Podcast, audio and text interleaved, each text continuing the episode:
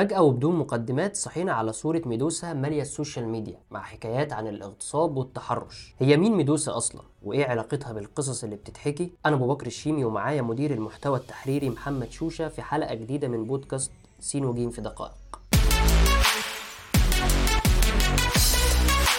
هي إيه حكاية ميدوسا دي؟ هي أسطورة قديمة بتحكي عن عذراء جميلة جدا أقسمت يمين العفة عشان هتوهب نفسها لمعبد الإلهة أثينا. جمالها بيغري إله البحر بوسيدون لكنها بترفض إقامة علاقة معاه فبيغتصبها بوحشية جوه المعبد. الإلهة أثينا بتغضب من تدنيس معبدها فبتدي ميدوسا قدرة خارقة على إنها تحول أي حد يبص في وشها لحجر. وطبعا بمرور الزمن الروايات الشعبية بتضيف بهارات للأسطورة عشان تتحول لرمز للوحشية. اشمعنى ميدوسا بالذات قدرت تخلق شعبية بين الأجيال الجديدة؟ أه قبل الترند المحلي الداير حاليا الأدبيات الحديثة استدعت الشخصية مرتين الأولى كانت في القرن العشرين لما النسويات اتهموا السلطة الذكورية بتشويه صورة الإناث. استخدمتها كمثال باعتبارها كانت كائن كيوت يتحط على الجرح يطيب اتحولت لوحش لأن الذكور قرروا إن هم يصوروها في صورة الوحش. وبالتالي كانت بتشجع الستات إن هم يحكوا رواياتهم الخاصة عشان ما يتحولوش بمرور الزمن لنسخ من ميدوسا ويفضلوا متشافين كمصدر تهديد. التاني بقى كان في الكام سنة اللي فاتوا لما الذكوريين استخدموا راس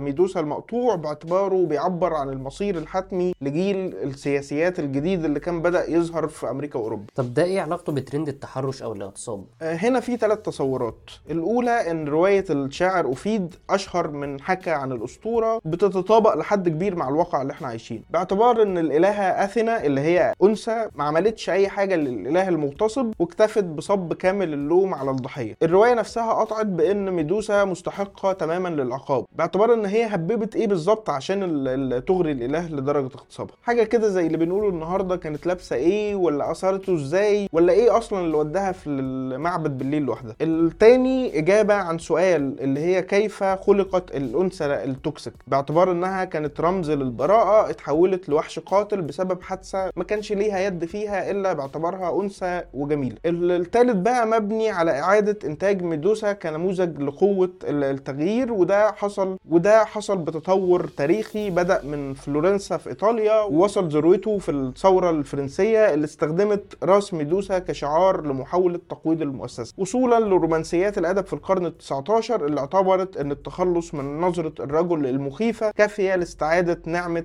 ميدوسا وإشراقها وإعادتها للطبيعة البشرية. بس الترند الحالي بيتكلم عن قصص فاتت. هيفيد بإيه الحكي في حكايات قديمة؟ انطلاقا من النقطة الأخيرة اللي قلناها اللي هي فكرة التخلص من نظره الرجل المخيفة كافية لاستعادة نعمة ميدوسا وإشراقها. علم النفس التحليلي استفاض في شرح نقطة ميدوسا. اتكلموا في الموضوع علماء مهمين زي فرويد وكارل يونغ وصولا للتحليلات الحديثة اللي اعتبرتها رمز للعدو الداخلي أو انحراف الدافع الروحي أو عذاب الذنب المكبوت أو الصورة المشوهة للذات. وبالتالي كان لازم يبقى فيه تغيير يخرج من الحالة دي ناحية الخيال الإبداعي عشان الأنثى تقدر تتجاوز الموضوع. طيب هو إيه اللي ممكن يفكر الناس بمواقف عدت ومر عليها سنين كتير؟ هنحتاج هنا نرجع للي بيحصل في الموقف نفسه يا بكر. خبراء الطب النفسي والأعصاب بيقولوا إن التعرض لخطر شديد بيخلق حالة مربكة جدا جوه الجسم ما بين استعداد قوي للدخول في معركة حياة أو موت أو على الأقل الهروب بعديها في بعض الحالات حالة تجمد أو شلل مؤقت للجسم بالتزامن مع زيادة شديدة في حدة الحواس وآلام شديدة أو دوخة. كل ده بيحصل بالتزامن وتداخل تلقائي الشخص نفسه ما بيقدرش يتدخل عشان يوقف. فأنت بتدخل في الموقف ده في حالة انتباه كامل لكل التفاصيل بدون أي قدرة على التدخل لمنع الخطر. فبعد ما الموقف بيخلص بيجي شعور متأخر بالذنب أو بالعار لانك هربت وما خدتش المعركة. المخ هنا بيكون في قمة قدرته على ترميز الذكريات فبيسيب بعض التفاصيل الصريحة وبيركن باقي التفاصيل في اللاوعي وده اللي بيحرك على مدى الحياة. وهنا الموضوع للأسف بيدخل في ناحية التهديد الشرطي يعني العوامل أو المحفزات المحايدة اللي كانت موجودة في الحالة اللي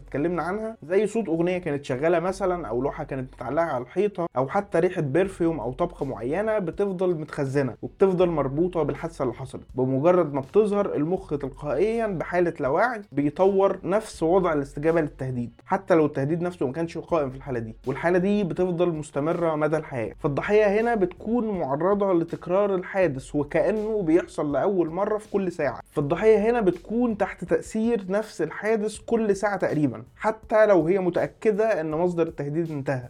فأنت متخيل إن أنت تعيش حياتك كلها في وضع زي ده؟ يعني الكلمتين اللي هيتكتبوا على ال social media أو الفيديو اللي هيتعمل على التيك توك هو ده اللي هيحل الموضوع؟ ممكن جدا. بس برضو العكس كمان محتمل تماما. العامل الحاسم هنا بحسب متخصص الطب النفسي بيكون مدى الشعور بالأمان. بنتكلم تحديدا عن العلاج بالصدمة أو النمو اللاحق للصدمة. وده بيحصل عن طريق استعادة الذكريات المؤلمة بس في ظروف آمنة ومستويات إجهاد منخفضه بدرجة بتساعد الضحية على تحديث أو إعادة تنظيم تجربة الصدمة نفسها. وبتقدر تربطها بتجارب تانية بتقلل من التأثير ال- الدايم ليه. فالعامل الحاسم هنا هيكون الظروف اللي الضحية بتسترجع فيها الذكرى. لأن ده هيكون اما جزء من الشفاء أو وكانه اعاده انتاج للصدمه وتثبيتها وكانها بتحصل من الأول وجديد. شكرا يا محمد. أنا كده فهمت ترند ميدوسا جه منين وإيه علاقته بالتحرش والاغتصاب. نتمنى تكونوا فهمتوا إيه أصل الترند عشان تنتهي حلقتنا النهارده. كان معاكم أبو بكر الشيمي ومحمد شوشة في بودكاست سين وجيم في دقائق.